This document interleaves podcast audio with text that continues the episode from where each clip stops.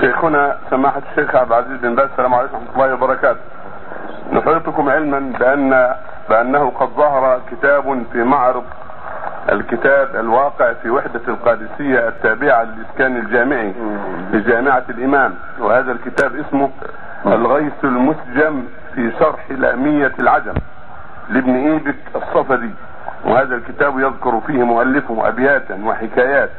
آه، في أخبار اللواط ومتعاطيه وفي هذا الكتاب كثير من المفاسد ويجترئ على دعوة صريحة و... آه ويدعو دعوة صريحة إلى اللواط وترغيب الناس فيه. وأنت تعلم أيها الشيخ أن هذا قد توعد الله فيه قوما آه جعل أعلى ديارهم أسفلها.